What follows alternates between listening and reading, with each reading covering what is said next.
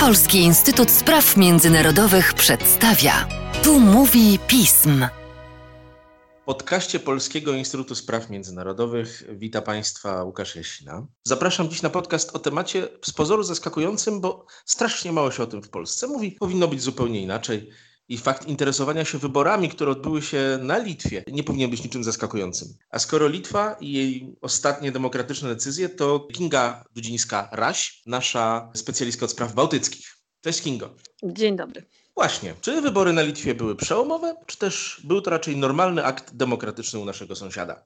Jak najbardziej akt demokratyczny, a czy przełomowe? I tak, i nie. Przełomowe z tego względu, że dojdzie do zmiany władzy, czyli po ośmiu latach nowy rząd utworzą ponownie w koalicji konserwatyści będący siłą dominującą. Z drugiej strony jest to dosyć charakterystyczne dla systemu politycznego na Litwie, czyli tak zwane wahadło, co charakteryzuje się tym, że co jedną, dwie kadencje dochodzi po prostu do przyjęcia władzy przez opozycję. No cóż, normalna sprawa w państwie demokratycznym, ale zacznę od rzeczy, która myślę Polaków najbardziej interesuje. Po raz pierwszy nie weszła do litewskiego Sejmasu polska lista, choć weszli oczywiście Polacy z różnych, z różnych partii. Po drugie, to jednak z tym rządem, który przegrał, z tymi partiami, które popierały przegrany, przegrany rząd, wiążemy bardzo duże zmiany w relacjach polsko-litewskich w ciągu ostatnich kilku lat. Czy ta sprawa wygrana dotychczasowej opozycji może mieć wpływ na polsko-litewskie relacje, czy też niekoniecznie? Powtórnie odpowiem dwojako. I tak, i nie. A dlaczego? Rzeczywiście rządy tak zwanych chłopów e, litewskich, aczkolwiek realnie jeszcze rządzący nie mają nic wspólnego ani z chłopami, ani z rolnikami, ani z ludowcami. Nasze konotacje są tutaj nie do końca właściwe. Natomiast realnie rząd Skvernelisa, obecnego premiera, przyczynił się do tego, że ta współpraca polsko-litewska się zintensyfikowała, ale były ku temu też inne bardzo poważne przesłanki, jak po prostu zmiana sytuacji bezpieczeństwa w regionie w ostatnich latach. Czy i na ile wpłynie zmiana rządu na Litwie na relacje polsko-litewskie? Można zakładać, że nowy rząd konserwatystów będzie bardziej zdystansowany, jeśli chodzi o relacje z Polską. Natomiast jednocześnie Polska mimo wszystko pozostaje jednym z najważniejszych partnerów Litwy. I tutaj tak, takie kwestie jak właśnie wspomniane przed chwilą bezpieczeństwo, jak energetyka, jak rozwój wspólnej infrastruktury w regionie no są na, na tyle istotne, że ta współpraca na pewno będzie się rozwijać. Nie oznacza to oczywiście, że kwestie sporne nie będą wybrzmiewały nieco mocniej, aczkolwiek jednocześnie należy wspomnieć, o tym, że w rządzie znajdą się partie liberalne, które to popierają rozwiązywanie spornych kwestii dotyczących mniejszości polskiej, a te właśnie wpływały negatywnie na te relacje dwustronne w ostatnich latach.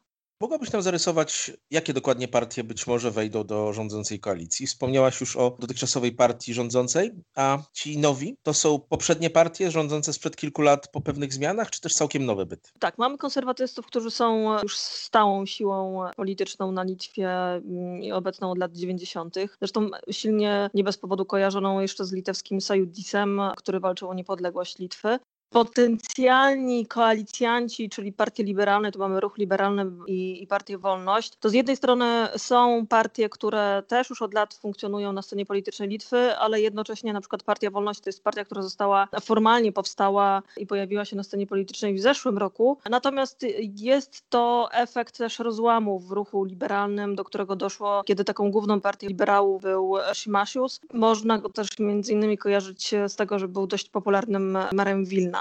Także z jednej strony oczywiście partia, partia Wolności jest formalnie partią nową, natomiast tam są właśnie te osoby, które wcześniej współpracowały z e, Szymasiusem. Ci merzy Wilna mają jakąś taką umiejętność zdobywania poparcia ogółu Litwinów. W sprawach stosunków z Rosją myślę, że konserwatyści są równie ostrzy, a może nawet ostrzejszy, jeżeli chodzi o pilnowanie litewskich interesów i litewskiego bezpieczeństwa. Zdecydowanie bardziej ostrzejsi i to wybrzmiało między innymi jeszcze podczas kampanii prezydenckiej w zeszłym roku. I tutaj można przywołać chociażby debatę, która odbyła się w związku z kampanią prezydencką i w której to uczestniczyli między innymi i i Simonite, która jest potencjalną nową panią premier. I o ile na przykład rządzący chłopi zakładali współpracę na poziomie gospodarczym z Rosją, czyli nie nie, nie, nie, nie popierali zerwania tych więzów ekonomicznych, które były i są dość, dość silne jeszcze obecnie. O tyle no, konserwatyści tutaj są zdania takiego, że ta polityka powinna być wobec Rosji dużo bardziej konsekwentna i koszty nawet osłabienia współpracy gospodarczej e, są jakby wpisane w, w te działania polityczne.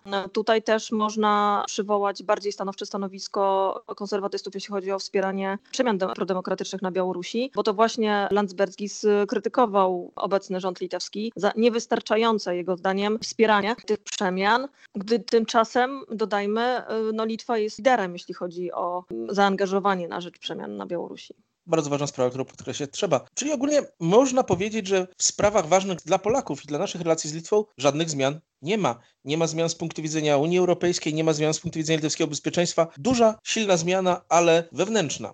Jak najbardziej i tutaj oczywiście pojawią się pewne niuanse. Trzeba, jeśli chodzi o politykę europejską, na pewno na przykład w stosunku do obecnego rządu konserwatyści będą też bardziej wspierali rozwój europejskiego wymiaru bezpieczeństwa, natomiast będą też dużo bardziej zaangażowani z racji e, członkostwa w strefie euro w zarządzanie obecnego kryzysu e, gospodarczego, aczkolwiek mając też liberałów i mając też bardziej liberalne podejście niż, niż obecny rząd do, e, do zarządzania gospodarczego i sprzeciwiając się interwencjonizmowi państwowemu, którego to z kolei zwolennikiem są chłopi. Ta polityka europejska e, będzie zmierzała bardziej właśnie w tym liberalnym kierunku. Natomiast faktycznie co do priorytetów e, współpracy w regionie i, i traktowania Polski jako ważnego partnera, tutaj nie spodziewałabym się żadnych zmian.